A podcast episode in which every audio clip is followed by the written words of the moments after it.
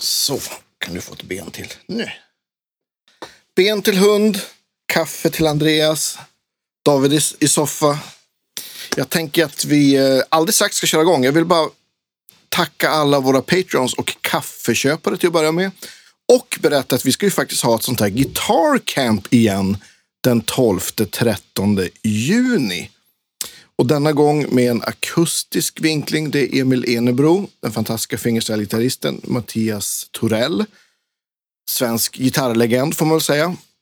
Har du lyssnat på radio någon gång de senaste 35 åren har du garanterat hört honom.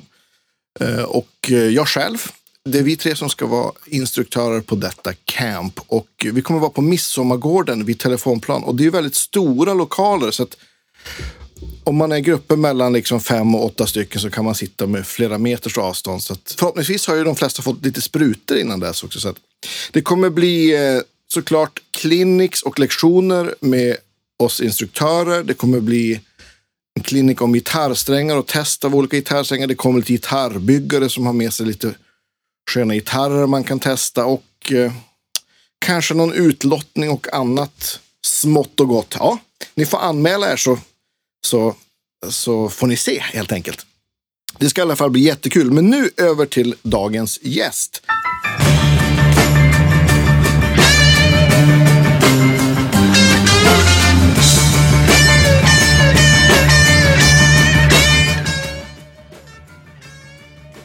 Stort och varmt välkomnande till David Myr. Tusen tack Andreas. Superkul att vara här. Jättekul att du ville vara med.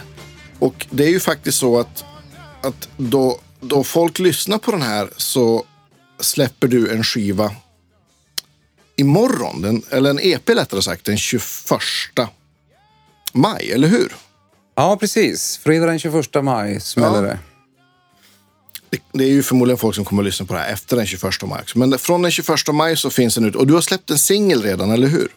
Ja, det, man kan väl kalla det för en singel. Alltså det, man, man ska ju presentera en låt för radion. Man får ju inte presentera ja. flera låtar. Så att då, då valde vi liksom att kalla det första spåret för singeln på EPn. Mm. Om, man, om man kan göra så. Ja, men visst. Men jag tänkte, du har ju en lång och gedigen historia. Men jag tänkte att vi kan väl börja med att prata om, om din EP. Mm. Jag är lite nyfiken. För du, du, Andreas, släpp... får jag bara... Eh, ja? Eh, det är ganska stark musik i bakgrunden. Är det någon som står och spelar i, i, i rummet bredvid eller något sånt där? Har du musik? Saxofon och trummor och grejer. Jaha, vänta då. Vet, vet, du vad det är? det är? Det är mina gitarrförstärkare som är uppmickade i andra rummet. Jag ska dra ut de kablarna, vänta. Oj, ja det var en himla skillnad. Det var som att det var en hel ensemble i rummet. Och... Det, ja, det, det är Mogge Högland som har trumelev där inne. ja, okej. Okay, okay. Hej Mogge. Ja, precis. Vi, vi får hämnas. Skicka tillbaka ljud till honom. Ja. Absolut. Förlåt detta avbrott. Jag, jag, alltså, jag hade kanalen mutad. Jag, jag, då du sa det så såg jag att det rörde sig faktiskt här uppe. Mm. Nåväl, tillbaks till, till, till väsentligheterna. Du släppte ju väl din senaste skiva 2018, så det är inte så länge sedan, eller hur? Nej, men åren går ju ganska fort nu för tiden tycker jag. Plötsligt ja, har det visst. gått tre år sedan, det var 2018 och, och jag ville visa något slags livstecken. Ehm, för att ehm, jag vill ju göra fler plattor, men så blev jag pappa vid 50 års ålder för ett drygt år sedan. Och tiden att göra grattis, album grattis. och åka till Nashville och spela in har liksom, om den var liten innan så har den väl blivit minimerat nu. men så. när började du skriva på den här senaste EPn och de låtarna? Ja, alltså det, det, finns ju en officiell story och så finns det ju insider storyn som vi kan ta här i Guitar ja, Geeks podcast. Och det tackar vi för. Insider storyn är ju att eh, låtarna lika gärna hade kunnat komma ut 2018 på, på Lucky Day-plattan. Eh, de var färdiga, men eh, de hade en lite mer sån här klassisk powerpop-ton. Eh, klassisk gitarrpop medan min skivbolags kille i England tyckte att vi skulle ha en lite mera mellow, mature, singer-songwriter-vibe på plattan. Så de halkade utanför. Och, och det är onödigt att ha mer än tio låtar på, platt, på en platta. Så att jag tänkte att ja, men det blir bra, då kan jag ha dem som fyra spår till nästa platta. Ja. Och, och nu liksom så släpper jag dem för att tiden går och, och jag, hinner inte vänta på nästa platta. Men, men, men den officiella storyn är ju att de är nya. Eh, så att, ja, ehm, såklart. För, för att, ja du vet, allt ska vara nytt, nytt, nytt. Men min musik, man hör ju ingen skillnad på om den är gjord 2018 eller 1998. 93. Nej, men visst. Jag håller mig till traditionella sound. Ja, men, liksom. ja, men det, det, det, jag skulle vilja säga att ditt sound är klassiskt och tidslöst på samma, ja. samma gång. Ja, tidlöst. Ja, en del, istället för att använda ordet retro eller sådär så, så tycker jag tidlöst känns bättre. Mm. Ja, men det tycker jag, tycker jag passar väldigt bra på. Men alltså för alla vi som inte har hört, nu har jag faktiskt fått tjuvlyssna på låtarna, haha. Men alla som inte har hört det så är det ju helt nya låtar. Så att, jo, men det är ju så. Jag menar, Paul McCartneys senaste platta som kom i december förra året, den bästa låten på den plattan, den, den var ju inspelad 92. Ja, eh, When Winter Comes, fantastisk låt. Hans röst ja. låter ju ung och pigg och så kom ja, jag på det. just det, det är en gammal låt. Då så snackar vi gammal skåpmat. Ja, men visst. Nästan 30 år. Då är ju dina tre, fyra år sedan du skrev dem, det är ju ingenting. Men har du, skrivit, eh, har du skrivit tillsammans med någon eller har du skrivit själv? Eller hur ser det ut? Ja, hela det här projektet började ju eh, för några år sedan med, med att jag skulle göra en andra platta. Jag, jag tyckte liksom att det här med co-writing, det har jag testat för lite av rent allmänt. För att det gjorde vi ju i, i gamla bandet på 90-talet, Merrymakers. Det var ju en ständig co-writing, fast alltid ja. inom bandet. liksom. Men Just nu det. när jag är solo så liksom, man kan ju ringa vem som helst och ställa frågan. Och jag, jag sökte upp ett antal amerikaner som jag respekterar, som befinner sig i, i samma mm, genre, om man säger så. Ja. Och eh, förvånansvärt många sa yeah, come by. Så jag åkte runt till Los Angeles, Nashville, New York och bokade upp ett antal co-writing-sessioner. Ja. Vilket blev eh, 75 procent av albumet. Och även tre av fyra låtar här på den här EPn är, co-writes. Inte minst med producenten Brad Jones i Nashville. Just det. För honom har du jobbat med, med på, på projekt förut, eller hur? Ja, alltså jag har alltid haft ögonen på honom ända sedan 90-talet för att eh, han har producerat mycket bra pop och rock och eh, då och då hittar jag en bra platta så kollar jag vem som har proddat och det är alltid Brad Jones. Och jag har åkt dit med studenter eh, i min roll som lärare på Musikhögskolan uppe i Piteå. Mm. Så att jag har liksom uppvaktat honom och varit, han, han, har vetat att jag har funnits ganska länge men, men det blev inte förrän då inför Lucky Day-plattan som vi faktiskt började skriva ihop och spela in ihop. Och det var Just superkul. En riktig sångdoktor. Ja. Men den här EPn, eh, är den inspelad, är, är den inspelad någonting i Nashville eller, eller är allting inspelat här i, i Sverige? Nej, utan eh, grunderna är inspelade allihopa i Nashville i den där eh, albumvändan. Jag tog ju med mig Andreas Dahlbäck över till Nashville som en slags, eh, eh ska vi säga, krockkudde. En, en slags ja. säkerhetsåtgärd. att, att, att, en kvalitetsgarant, för jag litar på Andreas. Han jobb, jag jobbar med honom på första albumet och, ja, och han tyckte det var kul att hänga med till Nashville. Och, och så... Um, eh, vi dunkade in i ganska högt tempo grunderna till eh, hela albumet och de här fyra låtarna mm. eh, då när vi var där.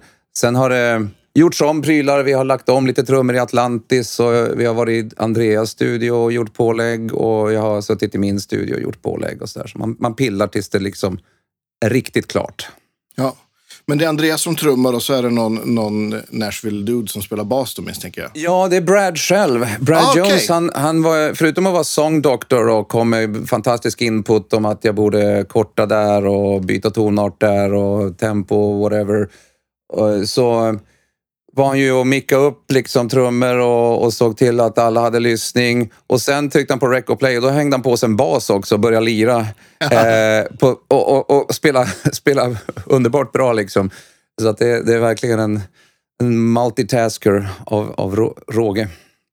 Det, det gäller ju att ha is i magen om man gör. Jag har gjort det ett par gånger, men att sitta på, på flera, ha flera hattar sådär på en inspelning kan vara ganska läskigt. Om man ska pilla på folks lyssning, sen ska man tio sekunder senare vara liksom i nuet och göra en tagning. Det är inte det lättaste. Nej, jag, var, jag måste säga jag var imponerad. Liksom. Jag undrar när han tänkte ut de där basgångerna. De, liksom bara, de bara kom, känns det ja. som. Um, nu hände det väl att han la om någonting efteråt, liksom, men, men det mesta gjordes där i, i farten. Ja. Hade du med dig något, något instrument eller någonting dit då ni la liksom för grund, grundinspelningarna så att säga? Um, det är en bra fråga. Alltså jag tror att jag var väldigt sparsmakad med det för han har ju så fina grejer där, Brad själv. Undrar om jag inte hade med mig min Martin D28 som någon slags, eller HD28 som en slags eh, för att ha med mig till alla co-writing-sessioner och, och sådär. Så den var nog med. Men han, han satt ju på en, en fin samling. Jag, jag spelar mycket på hans Les Paul Goldtop och, och hans gamla Martin-gitarr och en gammal Gibson. Det var sån här 30-40-talare. Gibson LA2 heter den väl? Ja, just det. De är ju fina, de små. The Parlor. Och, jag har ju alltid varit så här, eh, sökt det perfekta Martin D28-soundet, eh, Dreadnought-modeller, men mm. de här små gamla sakerna, de, de var ju otroligt charmiga och roliga att hålla på med. Det var, var ganska mycket liv kring dem.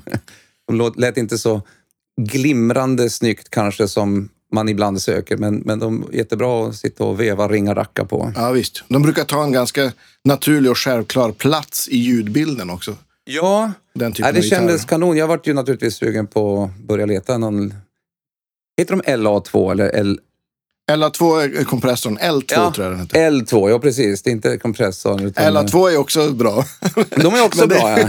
Exakt. Kombinationen är ultimat. Ja, precis. Det, det är faktiskt sant. Det är en väldigt bra kombination.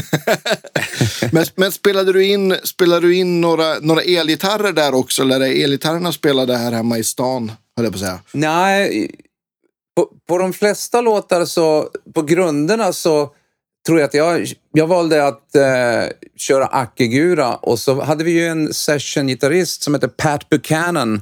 Ah, en Nash, Nashville-snubbe som är... Eh, ja, du känner kanske till honom? Ja, ja visst.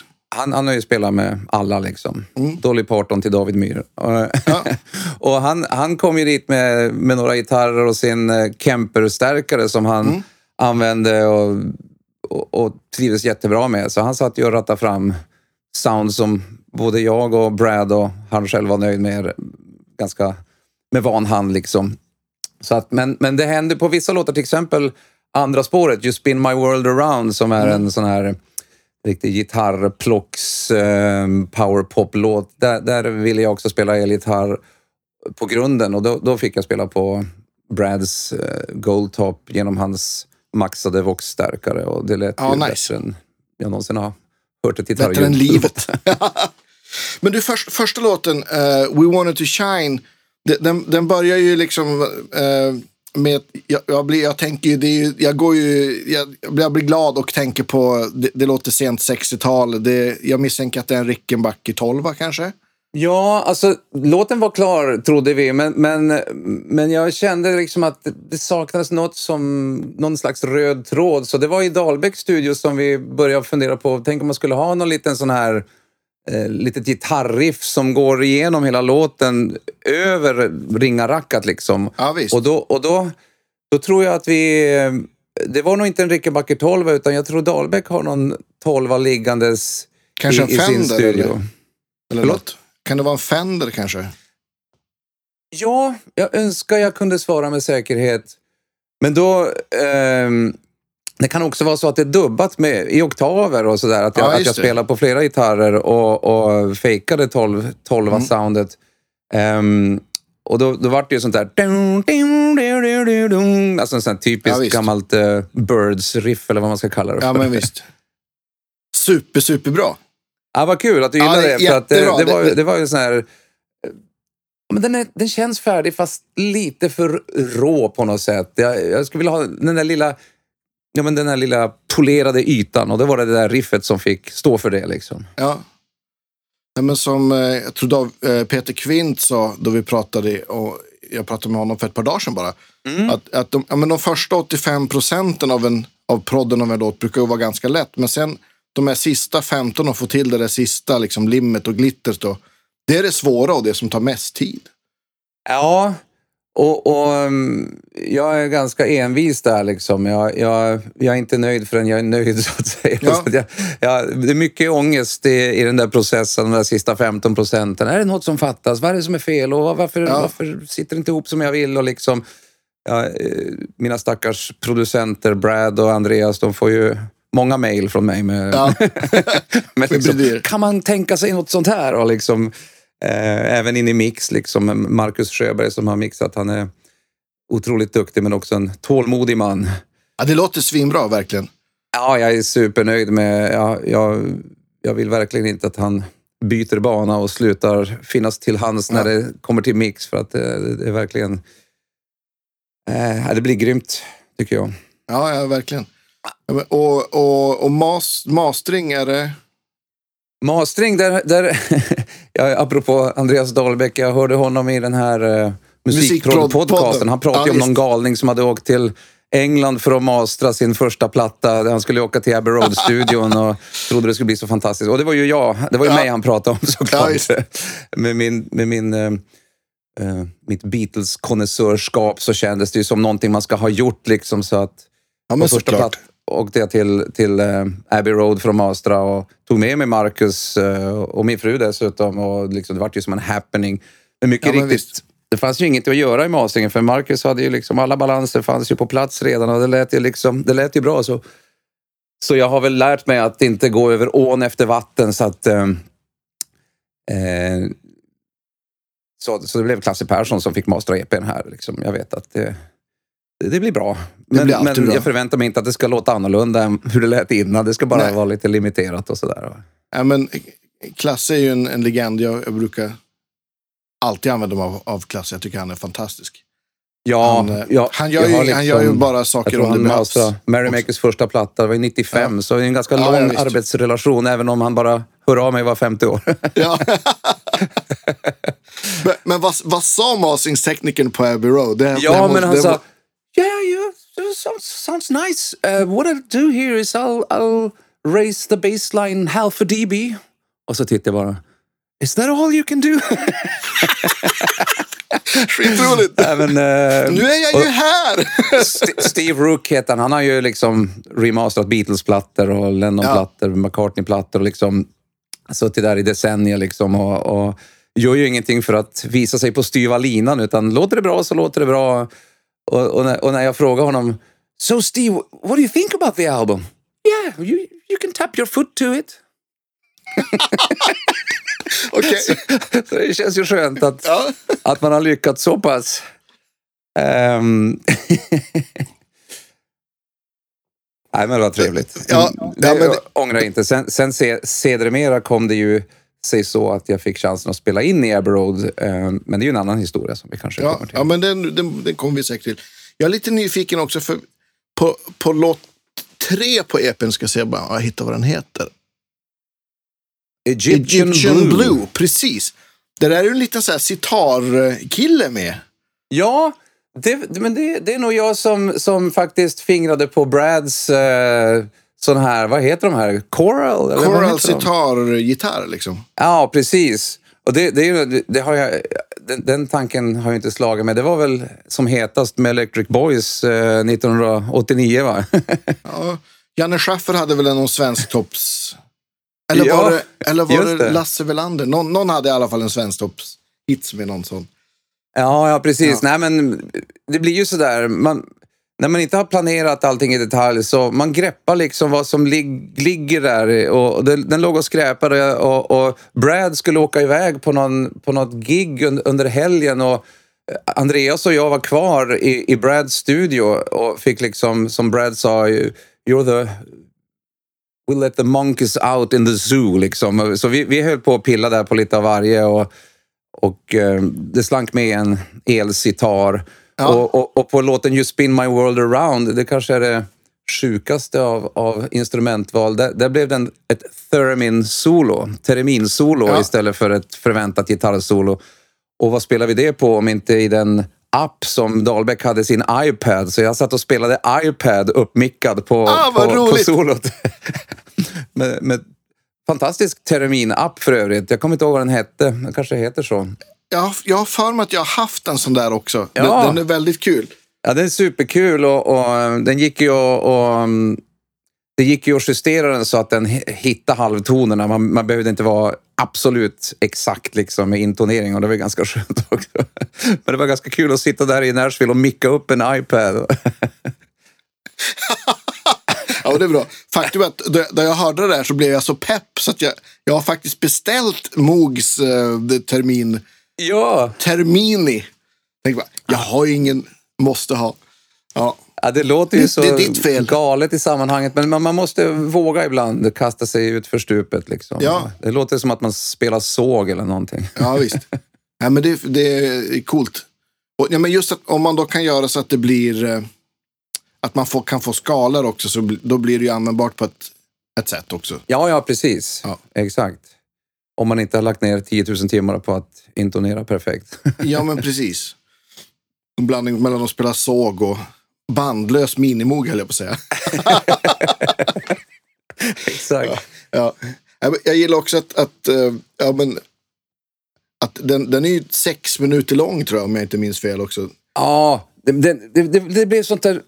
Alltså, när jag, när jag sa den där känslan, när jag satt där med goldtoppen med den där överstyrda voxaren och, och jag satt där med mitt plockspel, mitt uttänkta eh, plock med kapot på rätt ställe och det gifte sig ihop med Pat Buchanans gitarr och det bara gungade. Liksom. Man, jag känner liksom...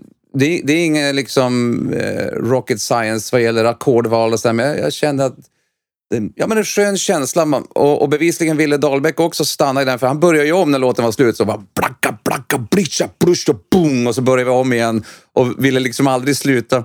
Så att jag, jag har gjort en radio edit. Om det är någon hugad radiokanal ja. som vill spela den och tycker att den är för mastig så finns det en version utan outrot.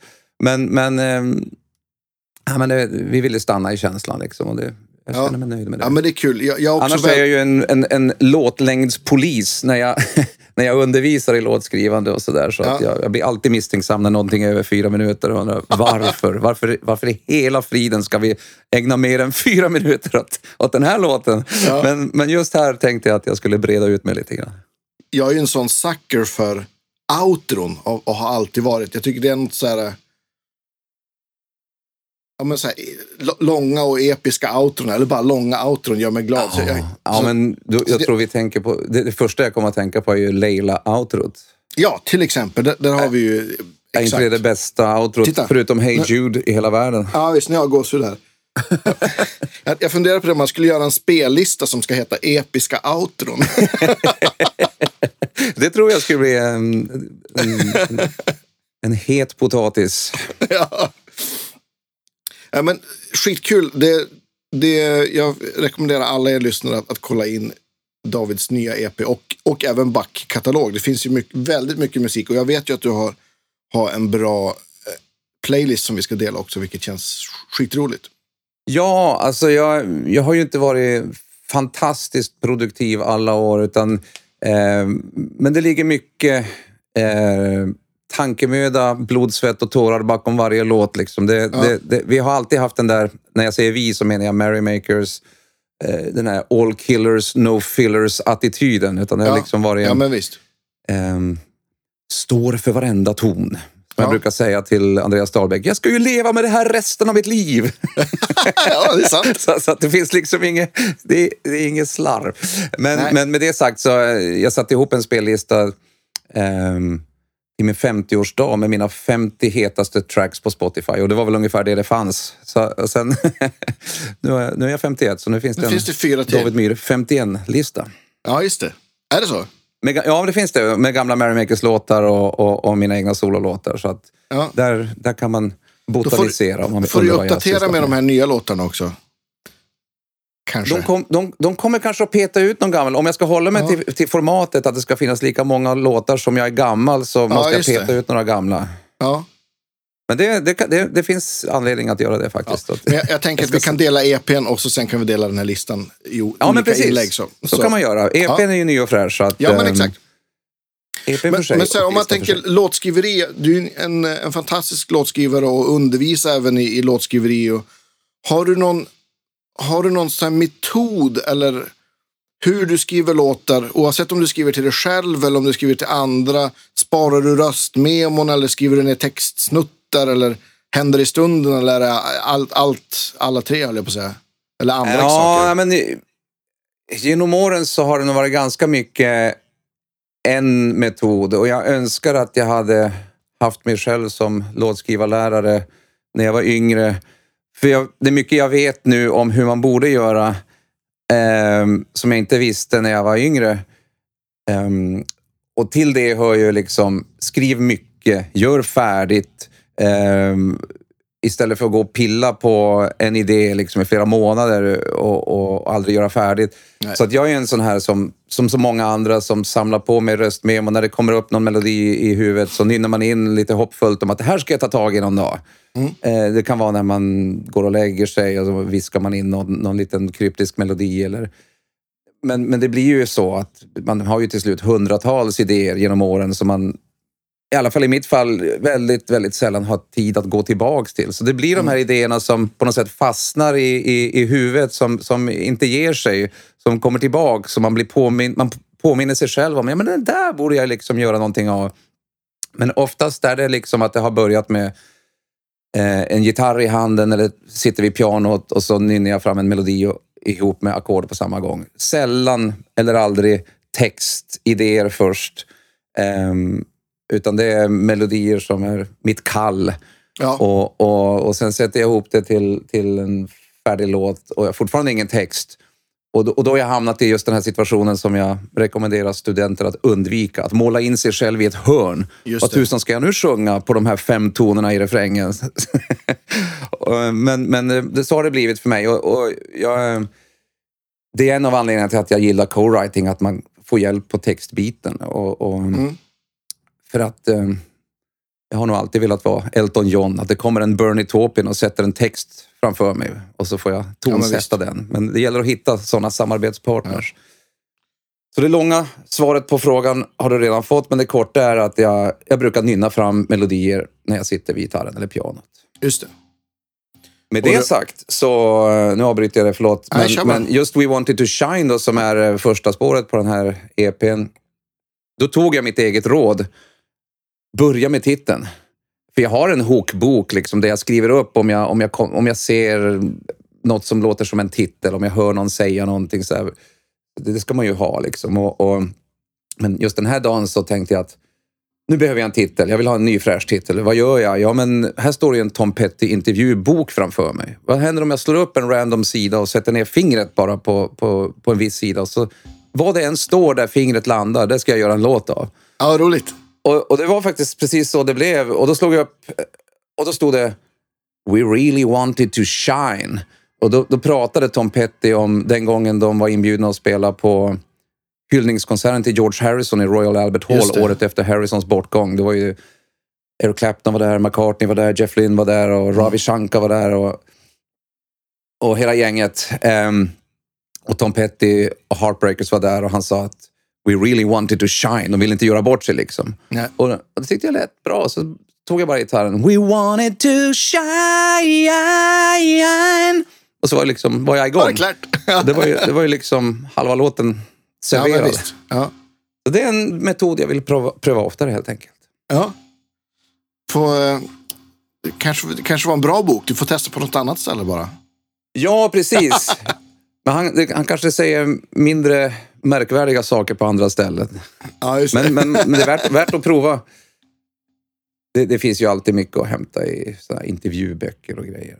Ja, visst. Ja, det är alltid inspirerande.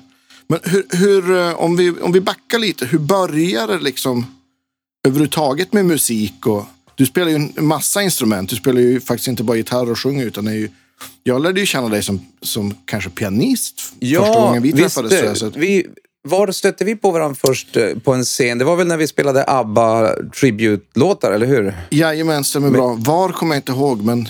Nej, kanske... men vi, vi, har ju båda spelat med Katja och Camilla som, som, som sjunger ABBA på ABBAs vis. Och jag har ju själv ett ABBA Tribute-band som heter Super Trooper som, som du har hoppat in i också Precis. någon gång. Um, fantastiska erfarenheter för övrigt. Att man ja, har verkligen. fått spela på Hollywood Bowl och Royal Albert Hall. World Expo i Zaragoza och turnerat ja, med Janne Schaffer. Massa sådana saker. Men då var jag ju Benny liksom.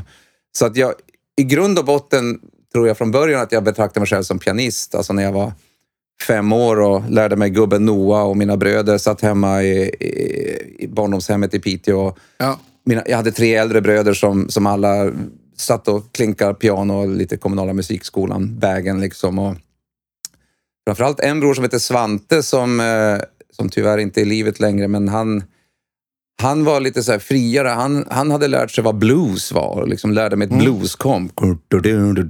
Och bluesskalan liksom. Och det öppnade ju som en, en ny hemlig värld. Eh, som kanske inte kommunala musikskolan nödvändigtvis presenterade för en, det första de gjorde. Nej. Och um, ja, jag kunde liksom Fyrelis när jag var sex sju år. Det är många säkert som kunde, men, men jag framstod ju liksom som Beethoven i, i klassen. Liksom. Ja.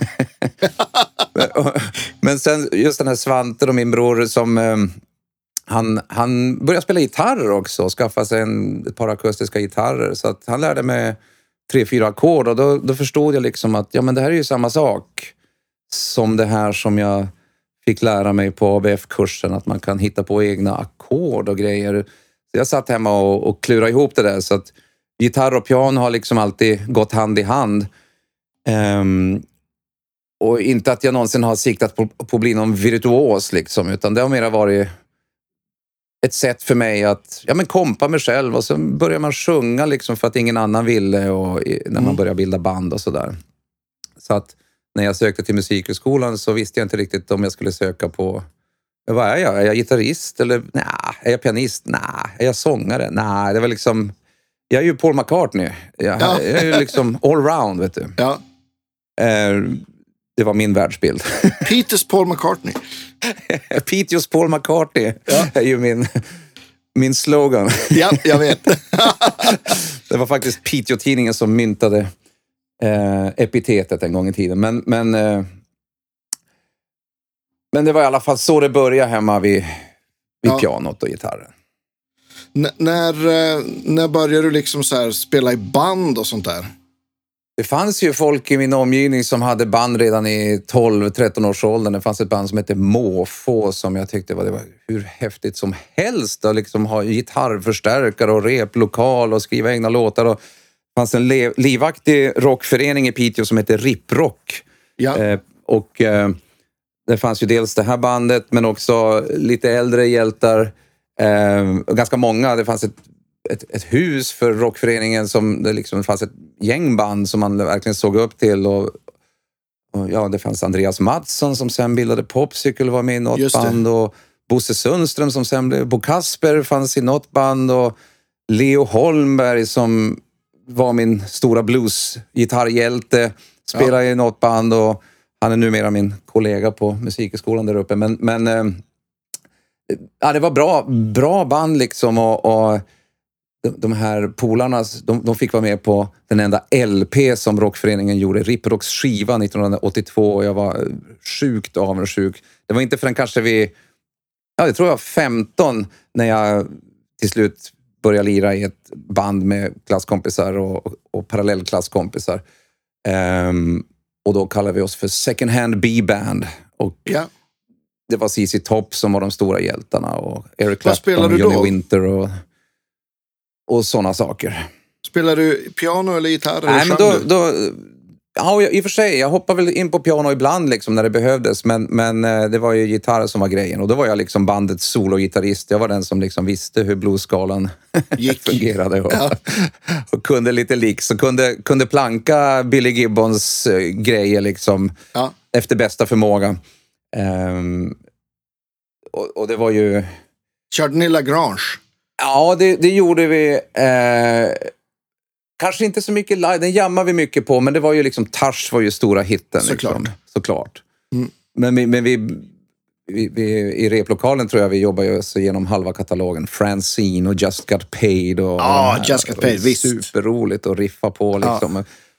Och jag tänker på idag, ibland, Billy Gibbons borde ju nämnas oftare som en av de stora hjältarna. Liksom. Absolut.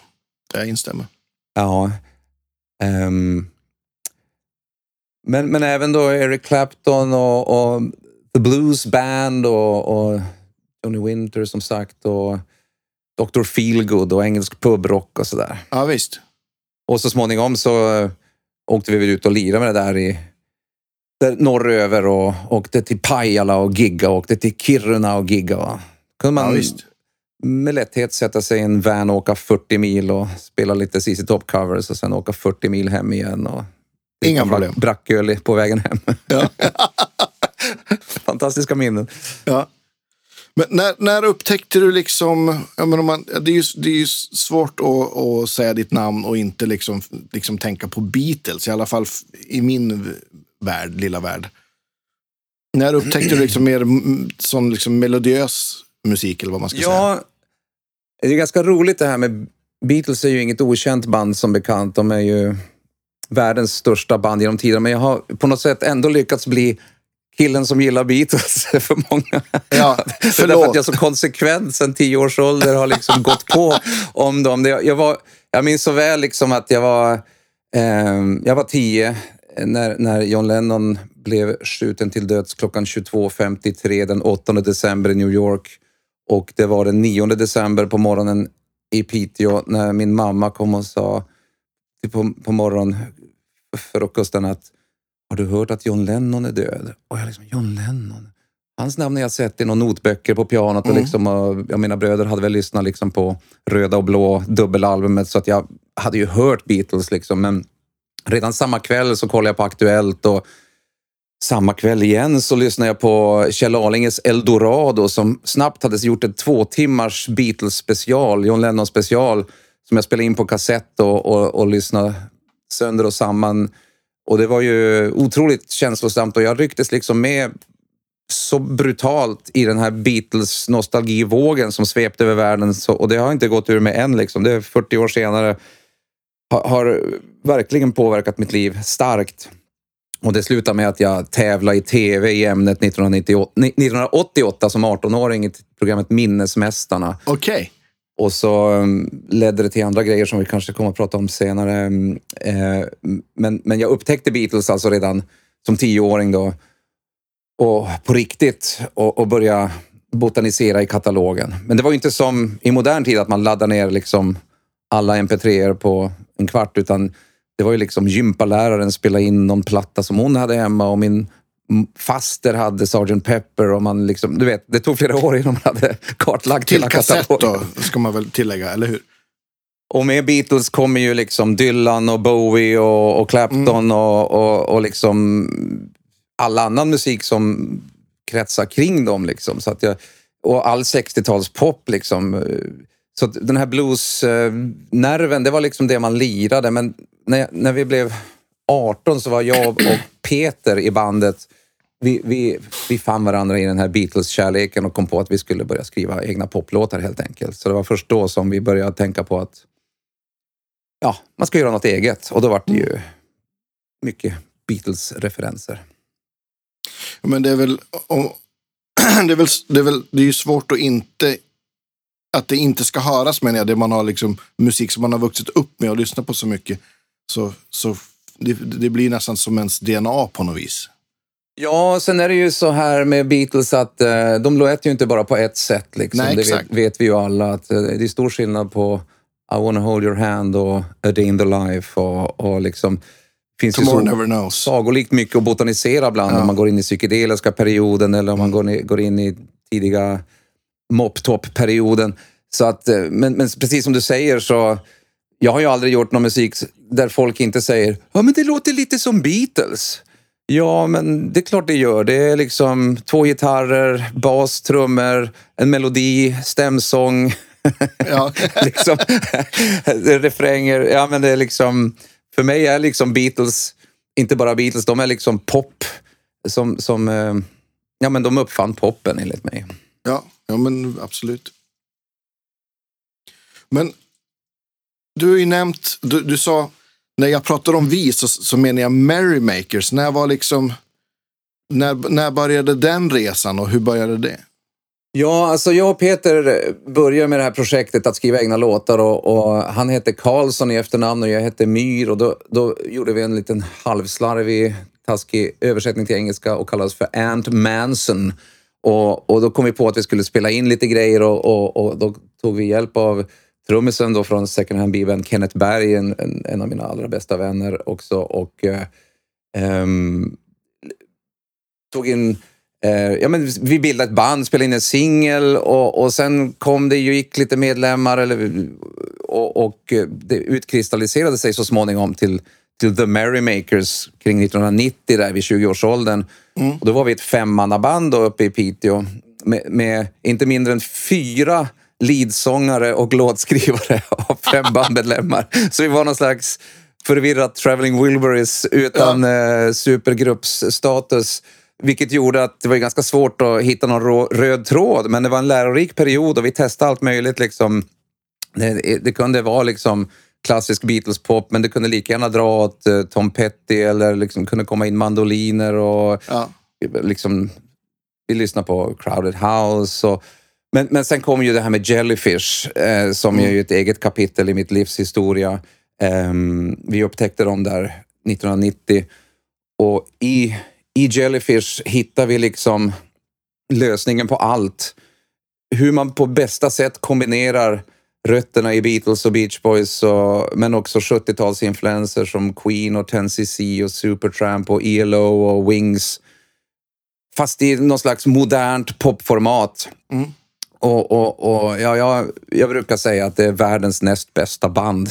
De gjorde ju bara två album men, men det fanns, där kan man verkligen prata om all killers, no fillers och, och ja, visst. Eh, de blev en sjukt stark influens. Um, och vi kämpade på där och släppte första singeln 92, signad av Ola Håkanssons Stockholm Records, en låt som heter Andrews Store. Det var en EP. Och sen släppte vi ett par singlar till. Uh, men sen uh, blev vi droppade från Stockholm Records av Martin Sköld i Kent som då satt på någon slags A&R position Okej. Okay han tyckte inte att han hittade röda tråden och han hade ju helt rätt liksom. Eh, men då, då var det tre av oss som, som var de mest drivande och eh, det var jag och Peter och så Anders Hellgren som hade hoppat in i bandet som också var en gammal klasskompis från början. Och vi flyttade ner till Stockholm. Anders bodde redan i Stockholm och, och vi liksom, nu, nu viger vi vårt liv åt det här. Nu ska vi ta det här till nästa nivå. Och, ah, det är en lång historia. Jag vet inte hur mycket du orkar höra men för att bara avrunda hur det började så ja. slutade det väl med att vi, vi hittade ett, ett produktionsbolag som satt i gamla Glenn-studion ute i Stocksund när vi fick tillgång till studion eh, på överbliven tid och där knoppade vi ihop våran första, vårt första album No Sleep Till Famous som kom ut 95 på John Lennons födelsedag 9 oktober. Ja, och, eh, såklart. Eh, vi gjorde allting själv liksom. Med en Atari-dator och program, Anders programmerade trummor och jag spelar de flesta instrument. Jag spelar bas och gitarr och mycket keyboards och Anders spelar de live-trummor som fanns och Peter spelar ju också lite gitarrer och så. Och, och, då var vi tre sångare och låtskrivare så vi har fortfarande ingen riktig eh, liksom tydlig riktning men vi visste vad vi ville och vi ville göra catchy direkt instantly recognizable gitarrpop för de stora massorna. Ja. så, så var det. Men hade ni, hade ni det här produktionsbolaget, var, var, ni, var ni knutna till något skivbolag då eller gjorde ni plattan och shoppade runt? Ja, vi, vi gjorde plattan själva och, och rattade själva. Vi tog väl in mixhjälp på singeln. Det var Bernhard Lör som kom och mixade den och Lasse Persson mastrade och så. Men, men eh, sen skulle det här produktionsbolaget då, Stockhouse kallar de sig för. De, de, det. var deras uppgift att shoppa det här då. Ja. Och, och de gick runt lite här och där och fick napp till slut hos bolaget CNR Music Arcade som hade gett ut bland annat Smurfhits. Ja. Och, där, och, och Cecilia Wennersten. och det vackraste. Och det var väl vackert så att någon ville ge ut det och, och vi fick väl göra lite tv-framträdanden, lite söndagsöppet och Nöjesrevyn och, och och sådär. Men vi vart ju aldrig några älsklingar i Fredagsexpressen, utan det, det var ju då Brainpool och Kent och Popsicle och Wannadies och This Perfect Day. Liksom, eh, det gick bättre för dem än för oss. Vi, vi hamnade liksom i bakvattnet och, och, och, och, då kom det en dag när jag läste i Dagens Nyheter. Det går bra för svensk musik i Japan. Inte minst för 60-talsinfluerade band från Norrland. Okej. Okay. Men, men vad, vad, vad fan läser jag? det är ju vi! Men ingen, ingen vet ju vilka vi är i Japan. Det här måste vi göra någonting åt. Liksom. Det blev mitt stora mission. Och um, det var då som eh, eh, ja, vi hade börjat på andra plattan, eller börjat skriva för andra plattan eh, och plötsligt kom det ett e-mail från San Francisco. Hi, it's Andy Jelly. Can I get your music here in San Francisco? Och då var det Andy Sturmer från, från Jellyfish, våra mm. absoluta husgudar som hörde Idoler, av sig. Liksom, ja. Och eh, vi trodde ju att det var ett skämt, men, men eh, det visade sig vara på riktigt liksom. Och, och vi skickade över vårt album och vi skickade över våra demos inför det andra albumet och så fick vi svarat I love your album and your demos which you discuss the possibilities of working together. Och det var ju liksom oh. så här, skojar du? Ja. Liksom. Det här var ju internets barndom, så det var liksom ett av de första mejlen man fick. Liksom. Och, och, um, bra mejl. Ja, det var ett väldigt bra mejl. Eh, livsavgörande på flera sätt för att eh, när vi började kommunicera med honom så jag, jag hade honom på telefon och berättade om vår frustration över att eh, ingen visste vilka vi var i Japan och han sa I think you guys are doing the right thing in targeting Japan. Eh, ja, men vem ska man kontakta liksom? I, I, I think I got someone you, you should talk to. Och så sa han, she works at Sony Music Publishing. Och då, lustigt nog, så hade jag just börjat en kortlivad karriär i musikbranschen själv som creative manager på Sony ATV Music Publishing. Och bara några veckor innan skrivit mitt första mail till liksom kollegorna runt om i världen. Hi, I'm the new creative manager here in Scandinavia. Looking forward to working with you. Ja. Och, och, på sändlistan stod en Jun Shinozaki i Japan. Och mycket riktigt var det han, henne som han rekommenderade. Så den enda japanen som jag någonsin hade haft kontakt med av 120 miljoner japaner var precis samma person som min idol sen säger att jag ska kontakta. Ja, lång historia, men, men jag, jag skickar i alla fall mm, över vår platta till henne. Eh, det här är ju sånt som bolaget i Sverige borde ha tagit tag i. Liksom. Mm, eh, men, ja, men det är ju liksom, man får alltid lösa det hela själv i slutändan postade iväg det där, skrev avsändare Andy Sturmer på brevet och sen fick hon det, älskade vad hon hörde, gick till Toshiba EMI Virgin, de älskade vad de hörde, bestämde sig att de ska sälja 80 000 plattor av detta, vilket de sen gjorde. De flög över oss till Japan tre gånger och vi gjorde in-store showcases och vi låg etta på radio FM-listor och vi skrev autografer och levde våran dröm. Big in Japan helt enkelt? För eh, Big in Japan ett tag. Ja. Och sen ska man ju också säga att det finns ju nivåer på Big in Japan. Liksom. Det var ju inte Meja eller Ace of Base nivåer här. Men, men, men för oss var det väldigt stort. Coolt. Hur, hur många var kvar i det här läget från, liksom, från start, start uh, line-upen? Var, var Peter kvar? Ja, men det var jag, Anders och Peter som, som var liksom eh, Merrymakers liksom. på, ja. på båda de här albumen. För det andra albumet blev ju sen inspelat också och då, då lyckades vi entusiasmera Virgin Sverige också. För de var ju också Jellyfish-fans. Eh, så det slutade med att de flög över Andy Sturmer till Sverige för att jobba med oss. Så att vi hade redan bokat upp Ronald Bod som producent, men när Andy kom in i bilden så ville vi ha med honom också. Såklart. Då bokade vi upp oss i EMI-studion och så dunkade vi in grunderna till det som blev vårt album Bubblegun. Just det. Som kom, kom, ut 97 i Sverige och 98 i Japan och USA. Eller sådär. Och, um, ja, det var ju mm, fantastiskt spännande att, att, jobba med honom. Han, han spel, eftersom vi inte hade någon trummis fast sådär så hade vi liksom guldläge att säga till Andy, som vi tyckte var typ världens bästa trummis och sångare och textförfattare och låtskrivare ja, och you name it. Skulle inte du kunna spela trummor? Ja, ja varför inte? Liksom. Så det var ju, det var ju liksom, snacka om en, en, ja men det var ju en fantasi liksom. Ja. Så att, och så tog vi in eh, Thomas Tjärnqvist, kärran på bas, eh, som vi, våran gamla Pite-hjälte liksom. För ja. vi visste, han, han är ja, också en sån här multiinstrumentalist. Så han spelar fantastisk bas och Andy spelar trummor och så spelar jag, Anders och Peter gitarrer och jag spelar piano och sådär. Vad, vad var liksom your weapon of choice vad det gäller gitarrer på, på den tiden? ja, alltså jag hade ju tidigt skede skaffat en Rickenbacker förstås. Mm. Eh, för det skulle man ju göra i den här stilen som, som vi är verksamma i. Eh, alltså den hade jag köpt på Tipptopp i Uppsala, en sån här Rickenbacker. Den svarta 3, 330 heter den väl. Mm. Och... Um, um, men uh, jag hade nog kom och haft en strata tidigare också före det.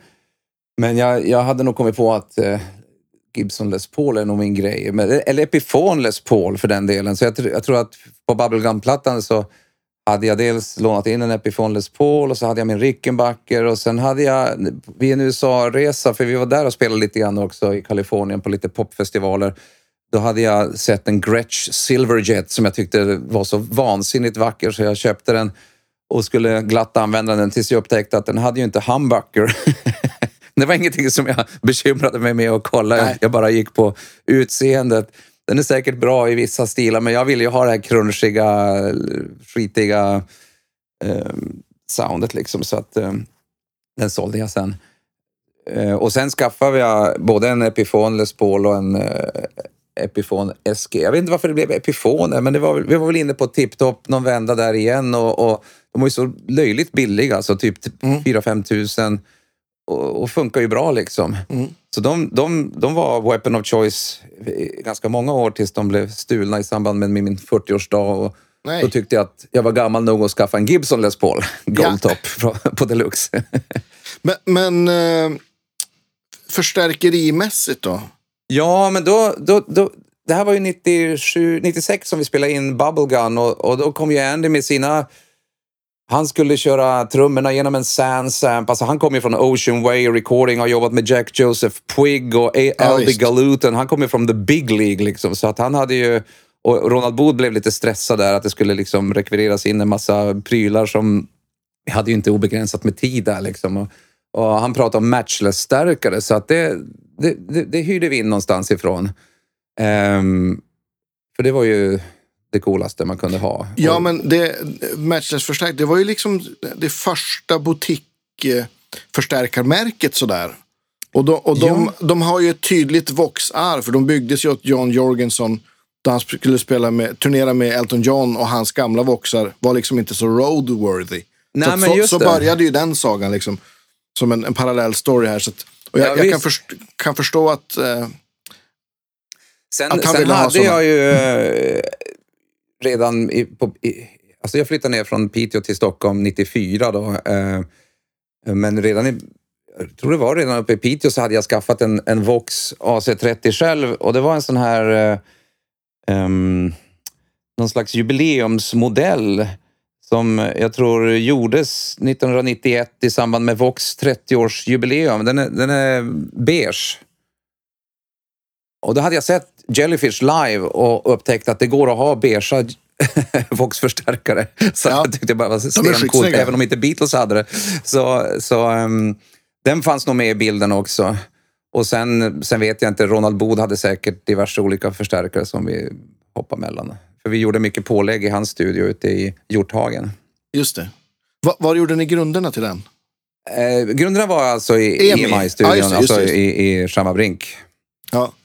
Och, och eh, det var ju en upplevelse. Och, um, och vi hade ju upptäckt Ronald Booth som producent genom bandet Grass Show som, som jag inte vet hur många som upptäckte i, i Sverige, men de gjorde fantastisk gitarrpop och hade okay. några nå dealar på gång i England och i britpop-vågen.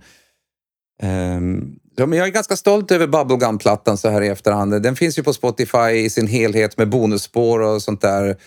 Um, och jag önskar att vi hade lyckats stanna i flowet där. Men det blev liksom...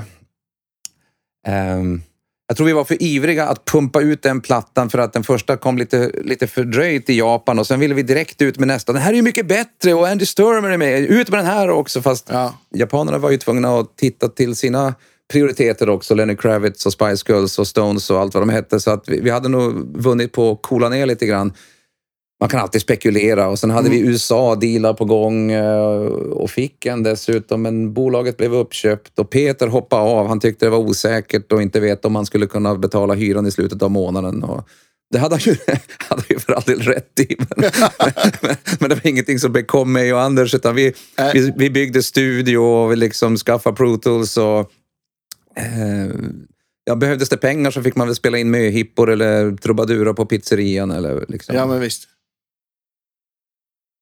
Ja, men, ja, men för det kommer jag ihåg. Att, att ni, ni hade väl studio ganska länge, va? Du och Anders? Ja, alltså... Eh, vi, vi hade ju det här Stockhouse som jag pratade om först. Det var ju fantastiskt att få husera i Glenn-studion, men vi upptäckte ju vilka usla dealar vi hade åkt på. Vi, vi, vi, liksom, vi hade ju kunnat tjäna mycket mer pengar på att sälja de där 80 000 plattorna om vi bara hade eh, ja, men, lytt lite grundläggande branschkunskapsråd. Ja. Eh, eh, men men eh, speciellt med tanke på att det var vi som såg till att allting hände så var det lite frustrerande. Det vart väl bättre på andra plattan, men sen tänkte vi liksom att vi ska bli Cardigans eller vi ska bli Eggstone. Vi ska bli liksom... Ja. Eh, vi ska starta en studio här, spela in japanska artister och vi ska göra nya plattor. Och, och då inleddes en ganska lång period av fokus på studioanskaffande och studiobyggande och eh, akustiklösningar och jakten på det perfekta kagge-ljudet och mm. eh, skaffa utrustning i... Alltså vi var ju på deluxe hela tiden och först var det A-dattar och sen var det Pro Tools och sen var det det ena och det andra liksom. Och, eh, och på något sätt så, mm, som jag upplever det så här i efterhand, så kom själva kärnverksamheten i, i, i bakvattnet. Vi, vi, skrev, musik, vi skrev för lite låtar liksom. Ja. Vi, vi satt och testade plugins och, och, och skulle börja producera andra och, och, det var ju lärorikt för, för all del och vi var ju tidigt ute där med Pro Tools i alla fall relativt. Var, nu, nu har ju alla allt liksom, men mm. då kändes det ändå lite så här vissa människor är musikproducenter och har en studio och har ett Pro Tools. Och man Visst. tillhörde liksom en liten exklusiv liga. Mm. um, och um, jag minns för övrigt när den första Podfarmen kom. Uh, alltså Line 6 Podfarm, eller Ampfarm hette det. Exakt. Ampfarm för Pro Tools. Och man på, på skärmen fick se en Vox AC30 och kunde dra i tremolo och, och liksom jag, jag tyckte det var, det var det häftigaste jag hade sett. Jag gick ut på stan ja, efteråt visst. och tänkte, här går folk omkring som om ingenting hade hänt. Men man, nu, kan, nu, nu kan man linea in gitarren och för, simulera en förstärkare i dator, alltså på 90-talet. Ja, Hur häftigt som helst. Och kasta mig över det med hull och hår och tyckte att det var ju liksom, här, nu kan man ju välja vilken stärkare man vill. Varför ska man ha en massa riktiga förstärkare? Och blev tidigt en förespråkare för det. Kanske sticker i ögonen för, för en finsmakare, men, men jag, jag tyckte liksom Nej, verkligen inte. Jag har alltid anammat pluggar och modelleringsburkar. Ja, och just Amfarm och, och sedermera Podfarm tycker jag har funkat himla bra. Men, men det var ett stickspår. Eh, grejen med det här med vårt studiotillvaro, den, vi började i Spånga, hittade en vaktmästarbostad, byggde om den till studio. Sen sålde vi den till Clawfinger och Meshuggah Just och så det. hittade vi en lokal eh, som vi köpte av Tom Hackava i Hagsätra. Slog sönder hela den studion, började bygga om. Fyra meter i tag, stort kontrollrum, liverum, köpte Per Gessles gamla soundtracks Jade och liksom stora planer. Men vi märkte att ingen hittade till Hagsätra. Det var liksom, det var för långt bort tyckte folk. Ja. Eller så ville de inte jobba med oss, det vet jag inte. Men, men eh, det vart mycket fokus på studion och liksom det gjordes för lite musik och åren gick och så att vi hade det där fram till 2010 tror jag. Ja. Men, men hela 00-talet så gjorde vi inga Merrymakers-plattor utan vi, vi producerade japanska plattor och singlar till ett band som heter Puffy Ami Yumi bland annat. Okej. Okay. Sen hamnade er gamla soffa här i Bandhagen. Det var väl det som var då egentligen den viktigaste utvecklingen efter de här tio åren. Att vi hittade en fin soffa till er studio. Och, och, och, Andreas Dahlbäck har tagit över våra fina gamla mintgröna skinnfåtöljer från Spånga-studion. ja, perfekt. Men du, näm du nämnde ju också tidigare eh, Piteå musikhögskola. Du, du är ju lärare där sedan länge, men du gick där också. Var det då direkt efter gymnasiet? Eller? Ja, precis. Det var, det var ju så att jag tänkte gå i mina bröders fotspår och bli ingenjör eller någonting. Men min mamma förstod ju hur musikintresserad var, jag var och vi hade ju bandet som betydde allt. liksom Att flytta någon annanstans och börja plugga, det skulle ju liksom vara slutet. Och lumpen ville man ju inte heller göra, så att det var ju liksom man skyllde på astma, allergi, ryggbesvär, ledbesvär och lätt att förfrysa mig för att slippa den. Ja, och eh, hon påminner mig om att det finns ju musikhögskola här i stan. Jo, men vill jag verkligen bli musiklärare? Men ja, men jag provar och så sökte jag in där och eh, var ett sätt att bli kvar i stan helt enkelt. Mm. Och där hittade jag ju lärare som jag verkligen connectade med, bland annat KG Johansson som, ja, som ju har gett ut många gitarrböcker. Och, han borde vi ha med i podden. För tusan. Han borde vara med i podden. Han, han har fler gitarrer än de, de flesta, ja. inklusive elsitar. och, och um, jag satt med honom i rökrummet och med min lärare Micke Långs också och smidde planer.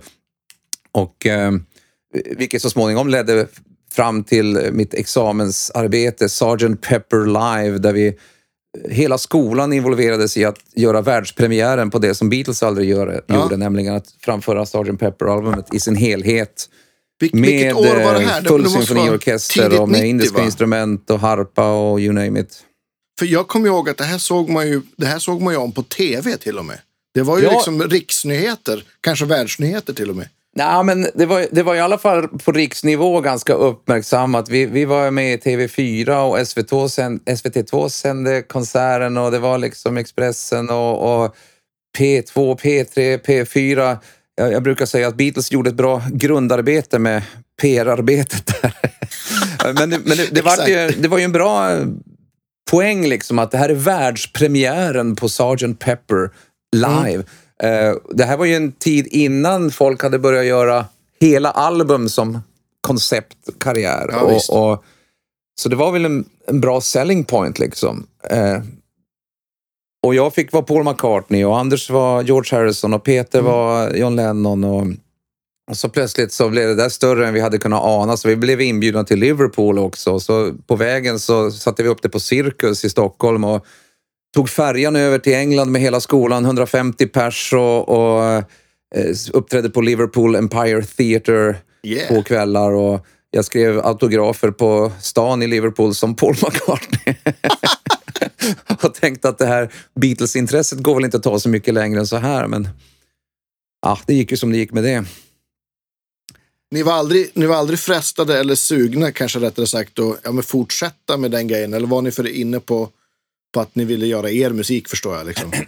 Ja, jag tror att det var en av slutsatserna. Det, det, här är ju häftigt liksom, men, men i slutändan är man ju inte sig själv liksom, utan det är någon Nej. annan som egentligen är älskad. Precis. När man ja. kliver av scenen så är man ju inte så märkvärdig längre.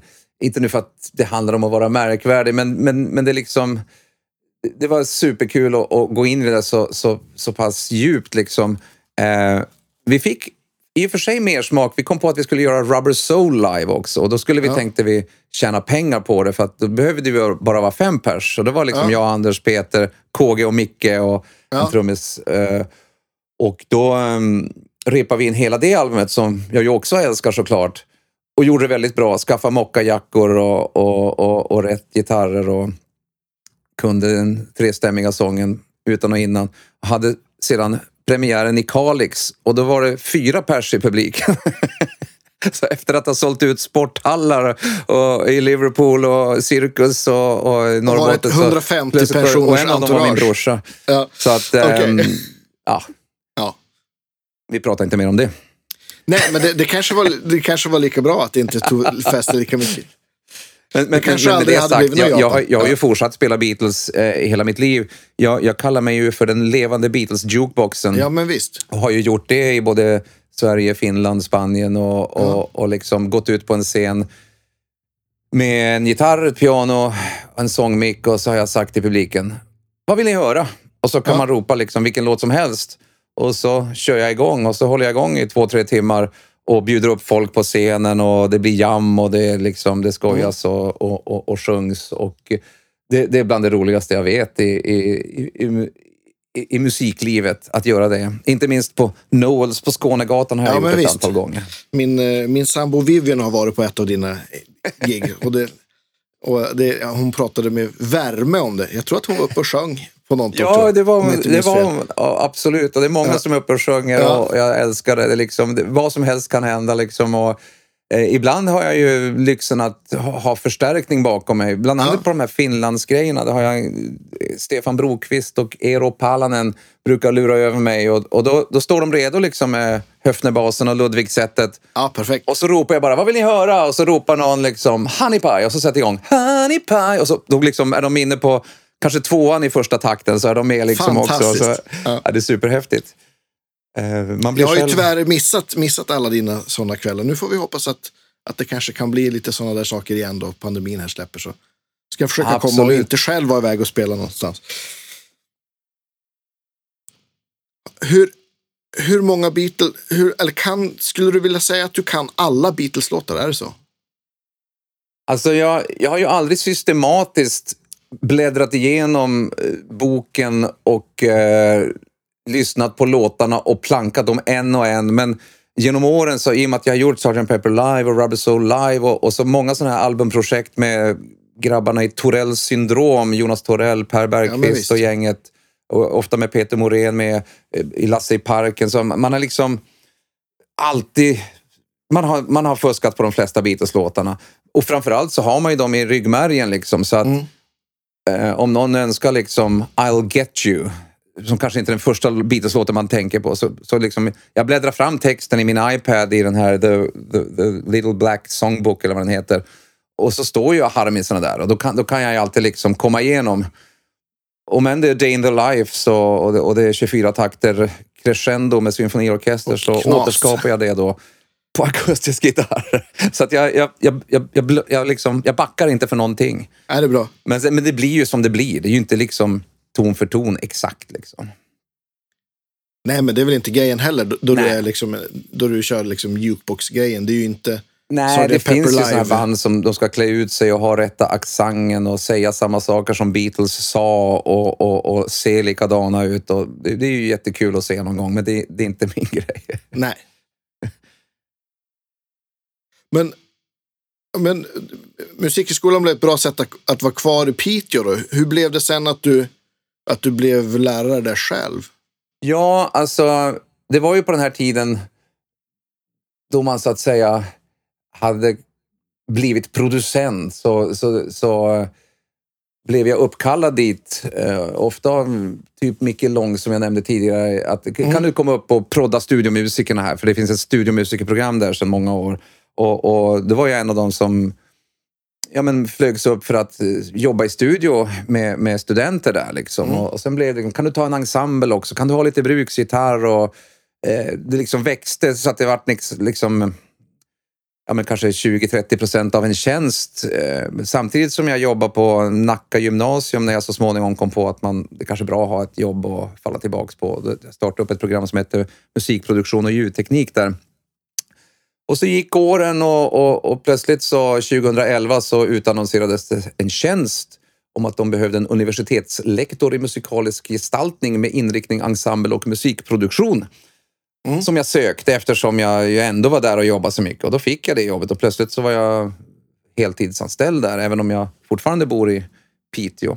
Nu ser det ut som att jag ska trappa ner till halvtid för att jag har blivit pappa sådär. Men, mm. men jag har inte klippt banden så att säga. Men, men med det sagt så eh, är jag om mig och kring mig och undervisar ibland på KMH också. Jag är profilansvarig för ett program för framtida kulturskolelärare i musikproduktion, låtskrivande och DJing på Stockholms musikpedagogiska institut också. SMI. Mm. Och så. Ja, ja men det, du är, kan man säga att du alltid har varit en, en man med många järn i elden samtidigt? Ja, det, det är ju det är ju en av de anledningarna till att jag trivs ganska bra att undervisa i ämnet branschkunskap eftersom ja, jag har både varit liksom artist och låtskrivare och producent och förläggare och jingelmakare och covermusiker och uh, sessionmusiker och, och samtidigt så betyder det att jag har ju aldrig blivit riktigt, riktigt bra på, på något av det egentligen. Utan um, um, ja, jag har fuskat på ganska många områden om man säger. Nej, fuska. Nu, nu, you're selling yourself short man. du, är ju Nej, men... du är en fantastisk musikant och låtskrivare och det har du hållit på med sedan barnsben.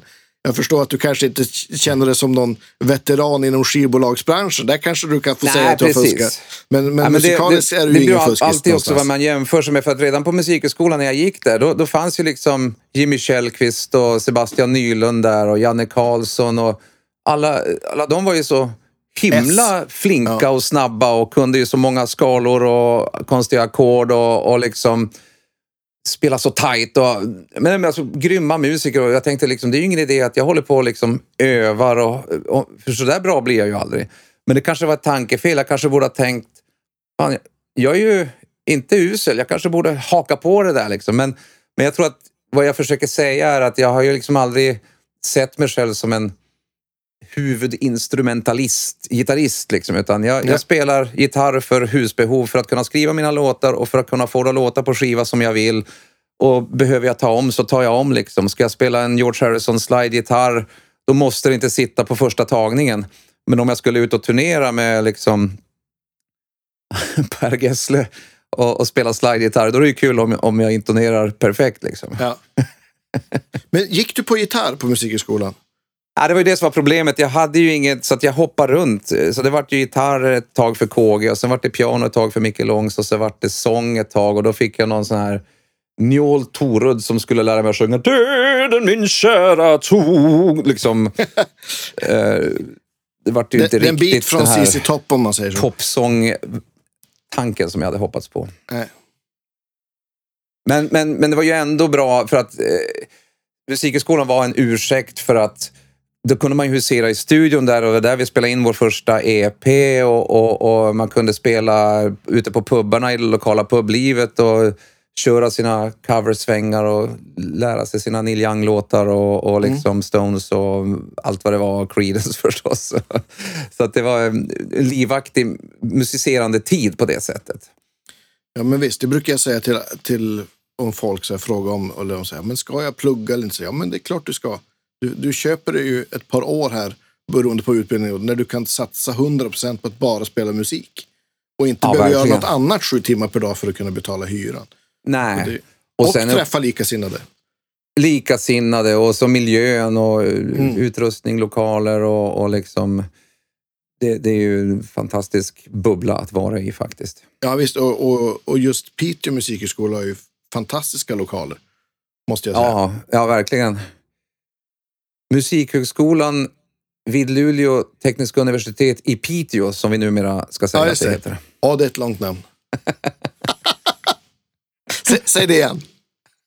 Musikhögskolan vid Luleå tekniska universitet i Piteå, institutionen för konst, kommunikation och lärande, avdelningen för musik, media och ja, musikalisk gestaltning. Ja, du vet. Jag lär mig inte själv. Men, Hej, det är eh, David men... Myr från... ja. ja. Jag tycker Musikhögskolan i Piteå är någonting vi är stolta över och kan fortsätta säga med gott samvete, så får LTU säga vad de vill. Absolut. På, på så gitarrsidan, du nämnde en... Eh, du fyllde 40 och då fick du köpa en, en, eh, en riktig Les Paul. Men sen i det här presskittet du skickade till mig så är det ju en annan tuff gitarr på bild. Ja! Det måste du berätta om. Ja, det måste jag berätta om. Det, det, det, det är ju en gammal... Det skämtas ju mycket bland gitarrister om hur man, man, man liksom gömmer för frun hur många gitarrer man har eller hur många gitarrer man vill ha och man tystar ner vad de har kostat och så vidare och, och, och, och måste liksom motivera varför ska man ha en till gitarr när man redan har en och så vidare. Men eh, och, och, min fru har aldrig motsatt sig något gitarrinköp när jag ville köpa en Tom Petty Signature Edition av en Martin-gitarr i Uppsala för 33 000 så hängde hon på och stod bakom mig. Så att all kärlek till henne på den fronten. Ja, Men det, varför jag säger det här är därför att det som hände i det här fallet eh, vad gäller gitarren du refererar till, det var att hon såg en gitarr på, på nätet. Kolla vilken fin gitarr! Ska du inte köpa en sån? Yeah! och, och, och det var det eh, en Duesenberg, Mike Campbell edition, den här röda. Precis. Eh, och, och, och jag, ju, jag, kände ju till Duesenberg och, och jag älskar ju Mike Campbell. Liksom. Är, är det någon han, han, han tillhör ju just den här skaran av gitarrister som inte nödvändigtvis är bluesgitarrister utan som på George Harrisons vis servar låten med det låten behöver. Ja, men visst. Jag, och, och liksom kombinationen av att gitarren är vansinnigt snygg, att min fru Paula sa “ska du inte köpa den här” och att det var en Mike Campbell edition i Tom Petty and the Heartbreakers som är liksom husguden, topp fem i livet det var inte mycket. Kreditkortet åkte ju upp direkt och så, ja. och så fick jag köpa eh, från, från äh, vad de hette nu, generalagenten. Um, Brinks musik. Du pratar om Ipeder misstänker jag. Kanske? Ja, jag önskar att jag kom ihåg, äh, för de var så snälla med mig och äh, ja, den kom ju och den, den, den är ju fantastisk. Den har ju dessutom den här ratten man kan vrida på så att den går till 11 liksom. kan liksom den, den, går till max och så vrider man, knick, klick, klickar den till och så har man liksom ännu mer output. Uh, the extra push over the cliff. Um, har den någon och, preamp eller den där gitarren? Jag vet faktiskt inte. Jag känner inte till den där modellen. Ja, du, alltså. Jag ju, önskar ju inbjuden till den här podcasten att jag, att jag kunde allt om, om sådana saker. Jag vet bara att, att uh, ja, den måste nästan ha det. Alltså det, jag tror det. det. Jo, men det sitter ett batteri. Det ja, sitter ett batteri ja, där. Jo, men, men då, är det, då är det en preamp. Uh, och, Inbyggd um, soloboost helt enkelt. Ja, men visst. Och, och, men, men jag har ju inte varit ute och lirat så mycket på senaste åren så att den, den har liksom eh, sett bra ut på bild och jag hade den på min mitt livs konsert som jag hade 2018 som finns på Youtube och Facebook under namnet Made in Piteå, en konsertfilm.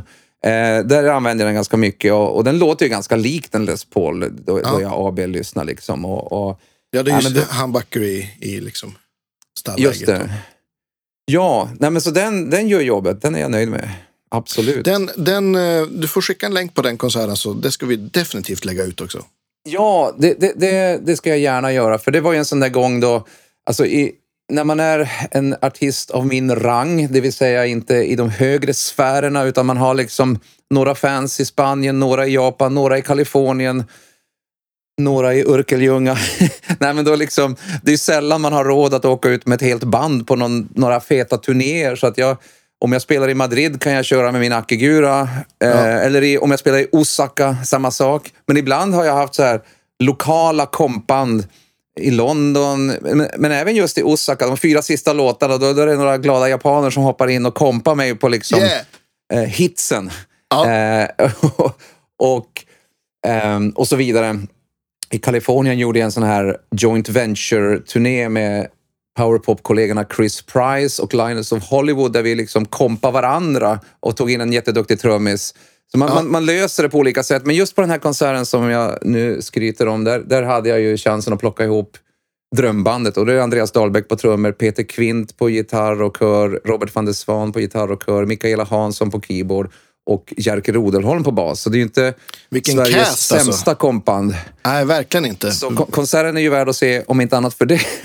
Hjältar på alla poster, skulle jag vilja säga. Och Mike Campbell-gitarren. Och Mike Campbell-gitarren. Ja, du har ju själv. men men det, det, är bara en konsert, det är inget som är utgett som skiva? Eller jo, ut... faktum är att eh, jag fick storhetsvansinne och gav ut det som live-album också under ah. titeln Made in Piteå. Perfekt. Men det är ju roligare med bild till. Alltså jag, ja jag vill ju hellre att folk lyssnar på skivorna än på, på liveinspelningarna. Men ja. det är kul att se, liksom, mm. hoppas jag. Ja, men det är det ju alltid. Det är ju, alltså, rörlig, rörlig bild är ju alltid kul. Och där blir det någon gammal Mary Makers favorit, April's Fool, som vi skrev ihop med Andy Sturmer från Jellyfish, där jag får sjunga och spela slide samtidigt. Och sen har vi eh, covers, Elvis Costellos Veronica och eh, ja, min Peter Kvint Co-Write Record Collection. Ja, ja. lite annat. Ja. Kul, ja, men den har jag inte sett så den måste jag kolla in. Och det ska alla våra, våra lyssnare göra också. Jag, jag kom på en till sak jag, som jag måste säga medan jag har det i minnet. Du får jättegärna fota ja, men din fina Martin och Dusenbergen och, och Les Paulen och om du har dem lättillgängliga att skicka. För det, det tycker Just jag, det. jag och alla, alla som lyssnar är väldigt kul med bilder på gitarrer. Ja, men det ska bli en Men, men då du spelar, om, om, vi tänker på, ja, men det, till exempel det Piteå-gigget. Har du, har du något pedalbord då mellan gitarr och, och din Vox misstänker jag att det var då? Ja, det var ju en, en inhyrd Vox förstås. Och eh, jo, jag, min pedalbordsresa har varit eh, lite så här svajig. Jag var ju redan på 80-talet så här, nu finns alla ljuden i burken. En Boss MFM liksom. Det var ju liksom ja, det visst. häftigaste man kunde ha. Och sen vet jag inte vad bordet som kom efteråt hette, om det var ME6. någon Digitech-variant. Ja, okej. Eh, eller vad hette de på den där tiden? Men det var ju alltid så här, man, man gick på estrad eller någonting och så, ja men nu, nu, har, nu finns det liksom den, det ultimata ljudet. jag jag kommer kom ihåg, Sebbe hade ju någon sån här grej man kunde ha i bältet. Vad hette de? Hette de Zoom eller något Zoom, sånt ja visst. Ja, och så har man hållit på sådär och, och um, trott att man har hittat rätt. Um, men men um, som sagt, i studio har det varit mycket mjukvarustärkare och jag, jag, tyckte podden var ju ganska bra när den kom där, den här lilla röda njurformade Absolut. saken.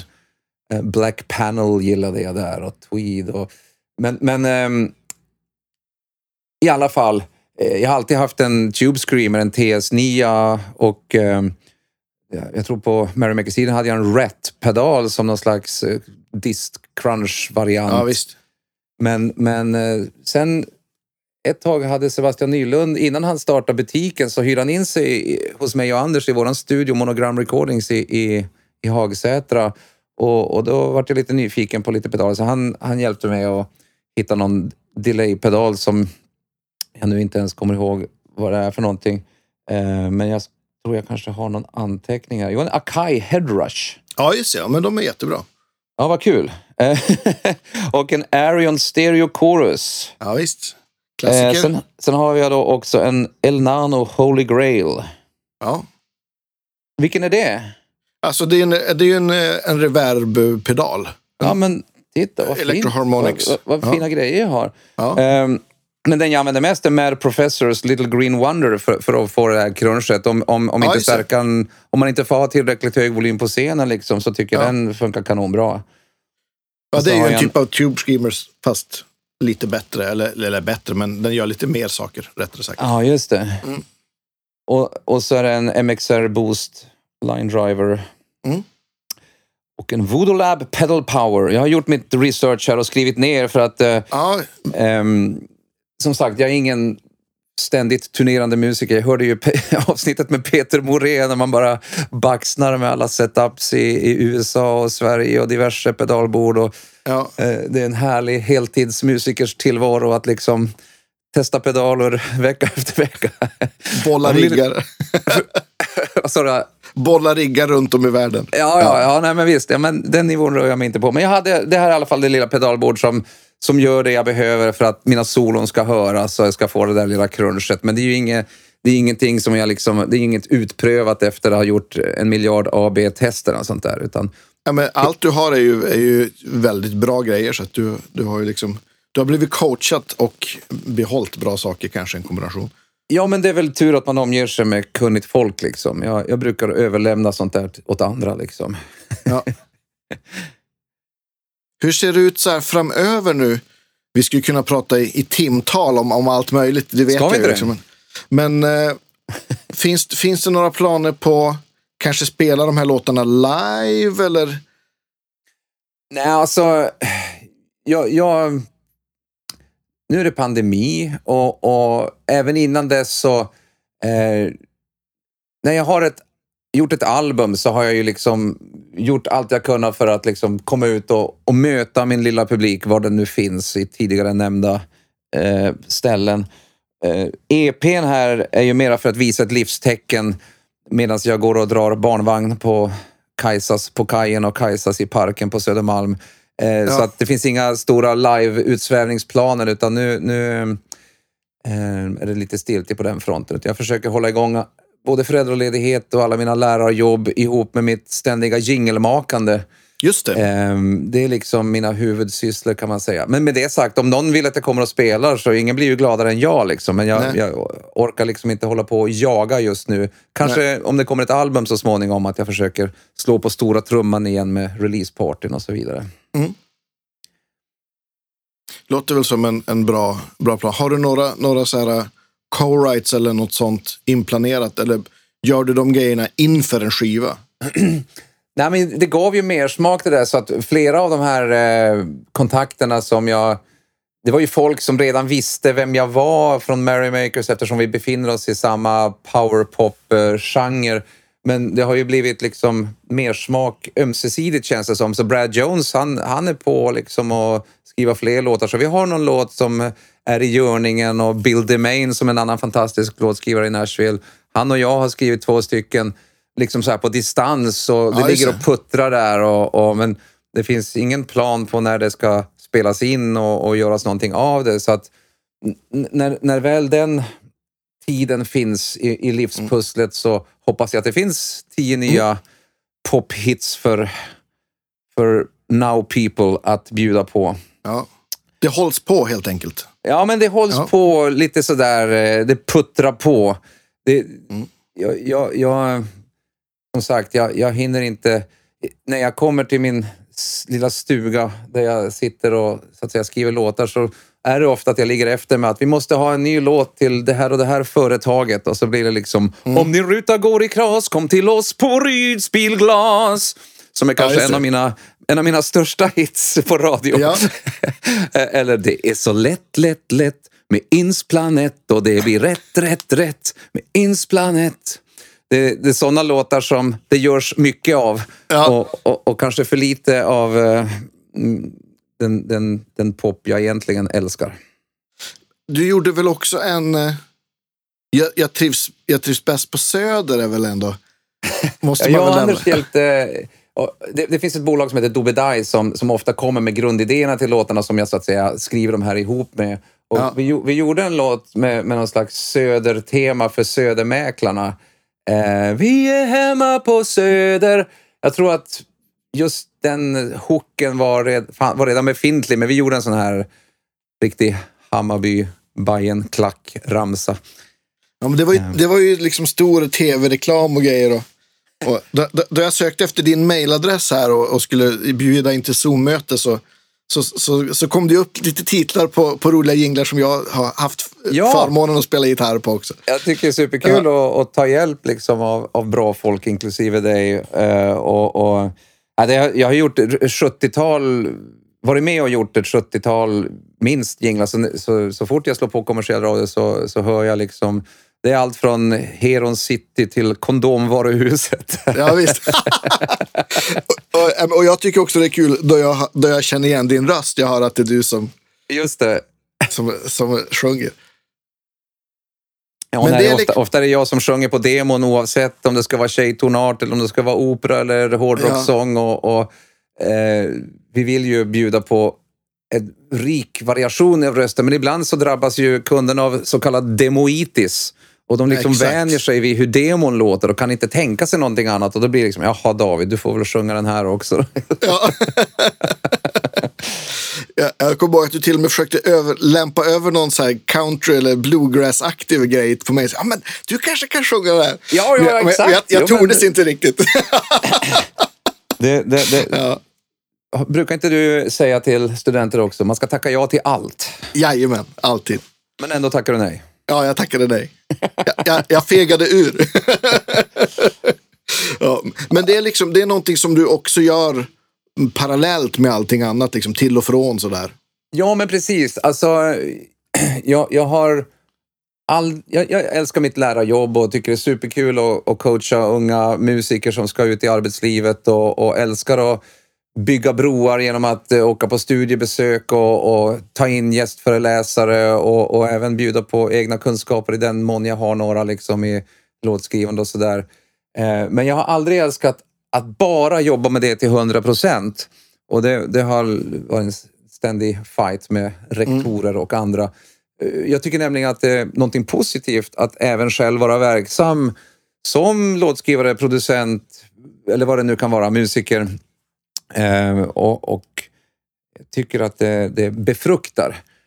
Eh, så att, så att jag, jag, liksom, jag har kvar mitt frilanstänk mm. trots mitt fasta jobb. Liksom. Så ibland, eh, min, min fru brukar säga, du har ju tolv jobb. Liksom. Mm. Det, det, kan bli mastigt ibland. Ja. Men, men mycket av de här de, de pengar som jag tjänar på jingelmakandet, de, de, de plöjer jag ju ner i mina svindyra albumprojekt liksom, jag, ja. där jag förverkligar mig själv. jag, för jag, jag tycker det är fantastiskt att man kan spela in hemma i sovrummet eh, själv om man vill, men är det någonting jag älskar så är det ju liksom att åka till Andreas Dahlbäcks studio och ta in ett bra gäng musiker eller åka till Nashville och göra samma ja. sak och liksom överraska mig. Här är låten. Ja, men visst. Hur, hur ska den låta? Jag vet inte, hjälp mig. Ett och... gäng människor i ett rum som spelar musik tillsammans är ja, ju... Är ju det, det, det går ju faktiskt inte byta ut. Det går inte byta ut mot något och, annat. Liksom, och jag tycker, jag. att alla ska ha betalt. Um, så, så det är därför det kan dra iväg sen. När, jämfört med, alltså det är ju inte som att jag har något bolag som backar upp mig med någon budget, utan jag, jag väntar på den, den stora feta synken som ska ja. bekosta alltihop till slut. Vi bestämmer att det blir en, en, eh, en nästa stora Julia Roberts-film. Där blir en. Det kommer den. Ja. Sen är det klart. Nej, men jag minns att med Merrymakers hade vi med någon, någon låt i en eh, amerikansk film som var så här eh, festivalvinnare på den där hippa filmfestivalen, vad den nu är. Cannes, typ? Nej, men det var i USA, en independent filmfestival. Eh, och John Favreau som nu är Hollywood-mogul, han, han spelar huvudrollen i filmen och vi fick med en låt och tänkte wow, this could be the big break liksom. Ja. Eh, Under the light of the moon från Bubblegum-plattan var med i en viktig scen där i en och en halv minut. Jag tänkte att äntligen, nu smäller det. Så kom, så kom beloppet. 300 dollar. Jaha, och så ska vi dela det på tre då, så ska vi skatta bort hälften. Det var ju det var ingenting som var life changing om man säger. Nej, det, var, det, var för, det skulle ha varit fler nollor bakom. Exakt. Men ja, jag är inte bitter. Nej, men plötsligt händer det vet du. Exakt. Ja. Nej, men, men som sagt, det, det, det, är ju det. Man, man får vara en, ha många strängar på sin lyra.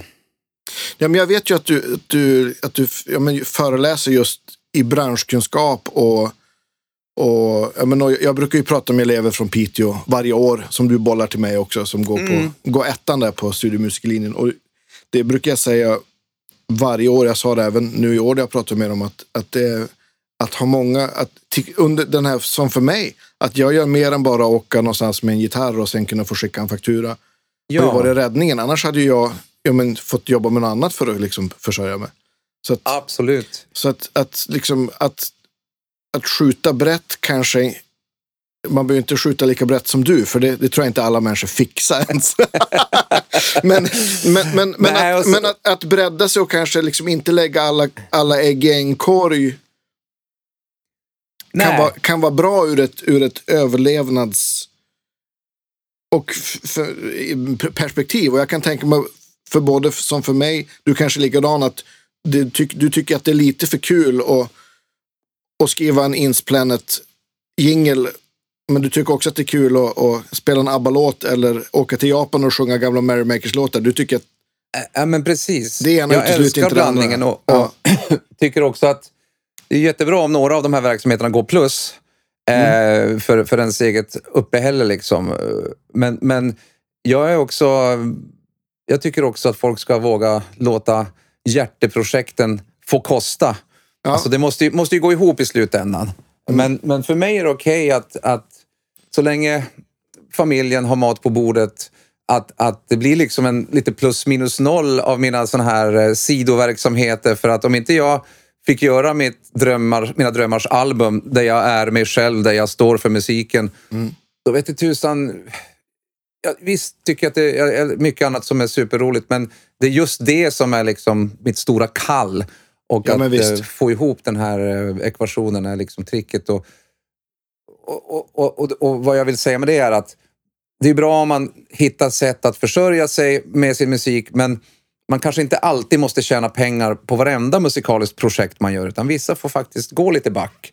Och då kanske det är okej okay att antingen undervisa eller jobba med något helt annat på deltid ja, liksom, i kombination med, med de här hjärteprojekten. Mm. Ja, men exakt, men jag, sånt resonemang har jag också. Och jag och tänker du... också, eh, musikutbildningarna är ju stöpta i någon form där man söker in på sitt huvudinstrument. Jaha, mm. du är elbasist. Ja, men då ska du vara elbasist nu i tre år. Och sen när du är mm. färdig, då är du färdig elbasist. Och för mig är det ett lite för smalt tänk. Det där genomsyrar ju alla musikutbildningar på alla nivåer i hela världen. Mm. Det har ju börjat liksom öppna upp för mera produktionsinriktade utbildningar och inriktade utbildningar och låtskrivarutbildningar. Men jag tänker mig att man borde se mera på, på musiker som musikanter. Liksom. Man ska kunna spela lite instrument för att få det att låta bra. Man ska kunna hoppa in där och där, men man ska också kunna spela in musik, skriva musik, mm. arra musik, prodda musik, ratta musik. Eh, så att jag tänker mig att framtidens musikutbildning blir liksom Ja, välkommen hit. Ja, men bred, ett smörgåsbord av möjligheter. Mm. Man, man, man plockar ihop de beståndsdelar man vill. Liksom. Ja, men och, och det är ju de, de flesta kollegor som, som vi har jobbar ju också så att de, de gör inte bara en sak. Även Nej. om de är utbildade basister så kanske de också är ljudtekniker och kan mixa en låt eller mastra en låt och eh, ja, men, vad det nu än är. Eller knoppa upp en hemsida till någon. Eller liksom. Ja, absolut. Så jobbar ju, det är väl, jag höll på att säga, det är väl den moderna renässansmänniskan. ja, så det kommer jag att eh, se till att det blir så inom kort. Det låter bra. I min lektorsroll. Mm. Du, jag ska inte uppta hela din dag, eh, men, men vi har ju en sån här fråga som du, eftersom du har lyssnat på vår podd och vet, som vi ställer till alla. Och det är ju den här uh, huset brinner. Alla familjemedlemmar och så vidare, barn, fruar, husdjur och sånt är ute. Och de du får överlever. Ja, det var ju ja, de överlever, ja. Men du, du har liksom, du har en hand ledig och du får med dig en enda musiksak. Vad blir det som följer med ut då? Ja, det får nog bli eh, till min och min bror då, den här hans gitarr som jag ärvde. Det är en, det är en gammal nylonsträngad Morris som jag inte vet om den är dyr eller billig, men eftersom den, den har ett personligt värde så får det bli det den. Där. Ja. Eh, även om jag kanske egentligen är mer behjälpt av min Martin HD28 om jag sen ska sätta mig på en öde ö och, och skriva låtar. Men av personliga skäl får det bli den. Kul val. HD28 mm. kan du ju faktiskt hitta en ny om det skulle vara så. Ja, det är bara att gå ja. på lämplig tysk Eh, Sajt. Eller på Deluxe Musik. Exakt, så precis. Med det. Vi, vi slår ett slag för Deluxe Musiken. Gå till Deluxe Musik. Ja, jag ja. föredrar det. Ja, jag med.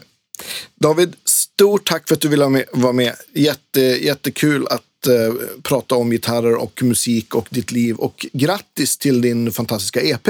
Ska jag passa på att säga också. Underbart. Tack för uh, uppmärksamheten och för din tid och för alla lyssnare som har orkat sig ända hit. Ja, och tack igen till alla våra patrons och uh, som sagt Guitar Camp 2 Guitar Geeks Guitar Camp Acoustic Edition 12 till 13 juni.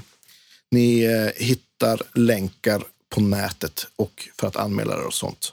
Gör det, det ska bli skitkul. Vi ses där helt enkelt. Och stort tack än en gång för idag. Vi hörs igen nästa vecka alla hörni. Ha det bra, hej!